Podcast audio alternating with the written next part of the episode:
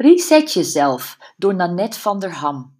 Deel 170. Levensfacet 11. Je levensdoel. Er zijn mensen die zeggen zonder doel te leven.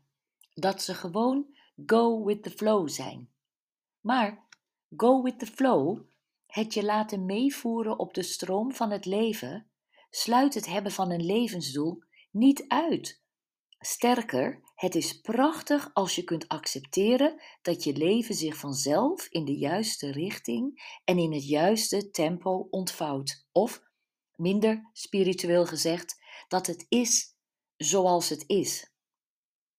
Je merkt dat je je leven op een geforceerde, onnatuurlijke manier aan het pushen bent als je veel tegenslagen en weerstand ondervindt. Of als dingen gewoon niet van de grond komen.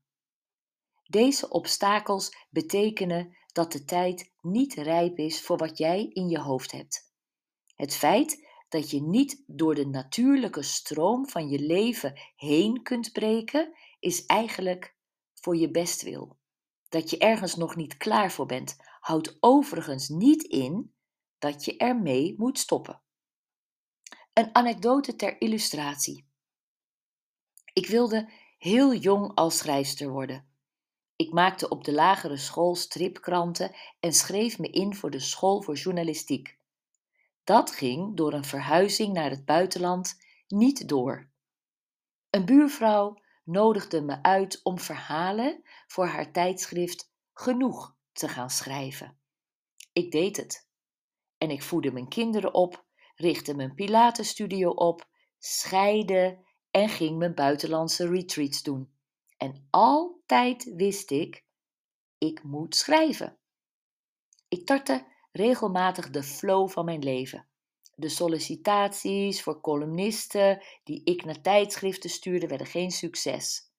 Met mijn afslankboeken werd ik geen Sonja Bakker of Dr. Frank, maar ik bleef schrijven. En nu schrijf ik nog.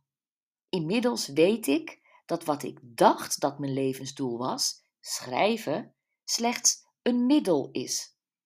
Mijn levensdoel is vrouwen helpen hun kracht, richting en lol in het leven te vinden.